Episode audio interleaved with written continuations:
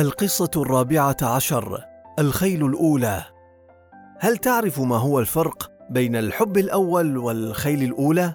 لا يوجد فرق. الخيل الأولى والحب الأول وجهان لعملة واحدة بالنسبة لي. أحب الخيل منذ الصغر. تربيت في بيت كان والدي يجول بحصانه الصقلاوي في أرجاء دبي ويقوده من غير زمام. تربيت في بيت كان أخي الأكبر مكتوم. له حصان يستطيع أن يمتطيه بالركض خلفه فإذا حاول غيره ركوبه انتفض وأسقطه ارضا. لم يكن حصان مكتوم يرضى بغير مكتوم رحمه الله. كيف لا أحب الخيل؟ وأمي كانت تستطيع ركوب الخيل دون سرج. وما زلت وأنا صغير أذكر أخي حمدان الذي كان يمتلك حصانا يقال له من سرعته الكروان. نشأت في بيئة تحب الخيل. نشأت في بيئة كانت تتناقل الكثير من المأثورات يحكيها لنا الآباء ونحن صغار عند اجتماعنا بالليل حول النار في الليالي الباردة. جاء في إحداها بأن الله تعالى لما أراد أن يخلق الفرس قال لريح الجنوب: إني خالق منك خلقا أجعله عزا لأوليائي ومذلة لأعدائي وحما لأهل طاعتي. فقالت: افعل ما تشاء فقبض من الريح قبضة فخلق فرسا فقال سميتك فرسا وجعلتك عربيه الخير معقود بناصيتك والغنى معك حيث كنت وجعلتك تطير بلا جناحين. نعم كنا نتوارث هذا الأثر فأحس بعظمة الخيل حين أراها. كانت النساء عندنا في البيوت يتناقلن بأن الجن أو الأرواح الشريرة لا تتجرأ على دخول خيمة توجد فيها خيل عربية أصيلة. هذه بيئتي التي نشأت فيها فكيف لا أحب الخيل؟ حلف بها رب العزة في القرآن الكريم فقال والعاديات ضبحا وقال عنها رسوله المعصوم بأن الخيل معقود في نواصيها الخير إلى يوم القيامة. ولا يكرمها إلا كريم. كيف لا أحبها بعد كل هذا؟ يقولون إنني اليوم من أكبر ملاك الخيول في العالم لكن لا يعرف الكثيرون أنه في طفولتي عندما كانت أمي تبحث عني ليلا في فراشي ولا تجدني تعرف أنني أكون نائما عند فرسي في الاسطبل. أحب فرسي وأحب قربها. تفهمني وأفهمها. وإذا غبت سألت عني وإذا كنت معها كلمتني وكلمتها. حب الرمك يجري بشراييني. أحبها وأحب طاريها. أقسم بها الرحمن في كتابه. سبحان بعلمه مسويها. العاديات الاسم للصورة. حلف بها وهذا مغليها. وفي الغاشة آي لمن فكر. والهين مذكورة بتاليها. وما ينحلف إلا ترى بغالي هو الذي ذكرها وهو مسميها. ظهورها عز وشرف تالد وبطونها كنز المحبيها. وليه ما يعرف الخيل يظلمها وأهل الجهل صقور تشويها. والموريات اللي حوافرها تجدح شرار النار توريها. وإذا المدى طول بقوتها تزيد ما شي يهديها تشهد لها القدرة على القدرة وتشهد لها الدنيا ومن فيها. قضيت عمري في مودتها أحبها ولا أقدر أخليها. يا كم من صحراء ومن غابة قطعتها وأنا أجديها ويا كم بأفكاري أحاورها. لو نختلف أرجع وراضيها. تعرفني وتعرف أسلوبي والخيل تفهم طبع راعيها. فيها الذكاء والعرف والفطنة بلا كلام أفهم وحاكيها. وإن غبت عنها دورت عني ريحة ثيابي بس تكفيها. هي مثل شعري ومثل تفكيري حرة ولا شيء يساويها.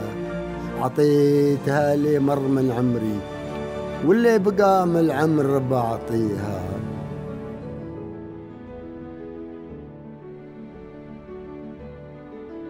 نعم أعطيتها ما مر من عمري وسأعطيها ما تبقى منه دون تردد. علاقتي مع الخيل بدأت في مساء أحد الأيام الجميلة. كنت عائدا مع أبي من الصحراء. توقفنا لصلاة المغرب. بعد الصلاة قال لي أبي أريد أن أنظم سباقا للخيل في دبي. السباق سيكون مفتوحا لجميع القبائل وأريدك أن تشارك فيه. كنت في العاشرة من عمري تقريبا ولكن الجملة التي قالها أبي جعلتني أشعر بأنني في العشرين أو الثلاثين.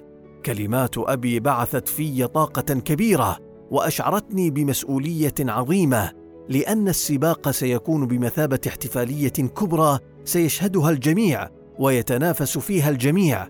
كان أبي يمتلك مجموعة من الخيول قال لي اختر إحداها ودربها استعدادا للسباق. بطبيعة الحال كان دوري الثالث في اختيار الفرس لأن ترتيبي الثالث بين إخوتي. يختار أخي مكتوم ثم حمدان ثم أختار أنا الحصان الثالث. الأخ الأكبر دائما يبقى احترامه مقدما في جميع الأحوال. تربينا على ذلك منذ الصغر وأنا شخصيا حتى اليوم. لا أقدر أي إنسان لا يحترم من هو أكبر منه في أسرته. انتبهت إلى مهرة جميلة عند أبي ولكنها كانت مصابة. لم يجربها أحد قط كفرس سباق. رقبتها بعناية فتيقنت أنها تستطيع المشاركة في السباقات. كان اسمها سودا أم حلق. كان العرب عندما يفضلون حصانا على سواه يضعون قرطا من الذهب في أذنه وهناك من يصنع قلائد من الذهب والفضة حول عنق الخيل تماما كما تفعل المرأة الجميلة. كان قرط سودا قد علق بشيء ما في وقت سابق فتمزق طرف أذنها اليمنى من الأعلى وأصبحت هذه العلامة ملازمة لها ومن هنا جاء اسمها سودا أم حلق. بدأت على الفور الاستعدادات الأولى لتدريب سودا أم حلق والبداية كانت بعلاجها. كانت أم الشيخة لطيفة من أعرف الناس بالعلاج بالأعشاب ومن أعرفهم بالخيول أيضا. طلبت منها على عجل تفحص المهرة. وأنا كل قلق من إصابتها فحصتها أمي بكل عناية. لاحظت منذ البداية تفاعل المهره مع أمي عندما بدأت تعاين قوائمها ومفاصلها وتحاول تحديد سبب إصابتها. كانت المهره تعرف بأن أمي موجودة لعلاجها. بدأت أعرف ذكاء الخيل وأعرف أيضا كم هي حساسة ورقيقة ووفية. حددت لي أمي مكان الإصابة. وطلبت مني تقليم حوافرها ووضع خلطة أعشاب على موضع الإصابة وإعطائها أيضا شراب أعشاب لتخفيف الألم ثم البدء بتدريبها على المشي بشكل متدرج. سألتها عن المدة فقالت ثلاثة أشهر مع تغيير الضمادة التي توضع على ساقها يوميا. كان ذلك أهم مشروع في حياتي السباق بعد أربعة أشهر وأحتاج لعلاج مهرتي وتدريبها خلال ثلاثة أشهر. ما زلت أذكر علاج مهرتي لأنني واظبت على إعداده بنفسي ووضعه على قائمتها يوميا.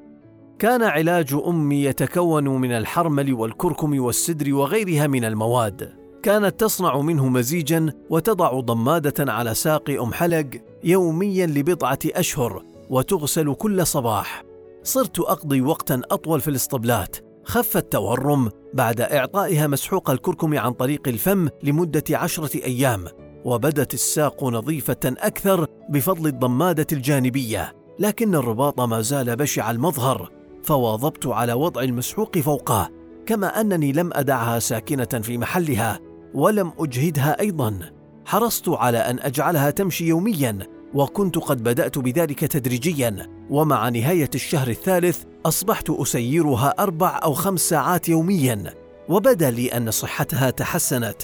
ومع أنني شعرت بأن شكل الوتر سيبقى بشعا إلى الأبد إلا أن الوتر البشع القوي أفضل من الوتر الجميل الضعيف. كان بين مكان إقامتنا في زعبيل والبحر مسافة لا بأس بها لهذا اعتدنا أحيانا مغادرة البيت في الصباح وتمضية اليوم بأكمله على الشاطئ.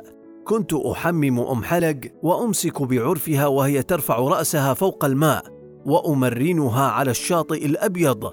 وكنا نتناول غداءنا أنا والأصدقاء وهي معا هناك حيث تغطس أنفها في عشب الصحراء والحشائش التي أكون قد التقطتها صباحا وأحضرتها معي. كانت تطحن الطعام بفكيها السوداوين. وترفع رأسها بين حين وآخر وهي تمضغ اللقمة في فمها الممتلئ ثم تخفضه من جديد عند انتهائها منها. وكانت دائما تقدم الساق المصابه أمامها وهي تأكل كأنها راقصة باليه أنيقة تتمرن على الحركة. عندما يحين وقت العودة كنت أصفر لها فتتبعني بسرور. كانت تستمتع عند العودة إلى الاسطبلات بمقدار استمتاعها بالنهارات التي تقضيها في الخارج تقريبا. كانت تقف بهدوء مع التماعة ودودة في عينيها يغلبها النعاس وأنا أزيل الرمل والملح عن غطائها ثم تحرك أذنها للخلف لتلتقط أي تغيير يطرأ على نبرتي وأنا أحدثها بشكل متواصل. كانت تريح ساقها الخلفية وتقدم الساق المصاب أمامها وكأنها تذكرني بالألم الذي تشعر به.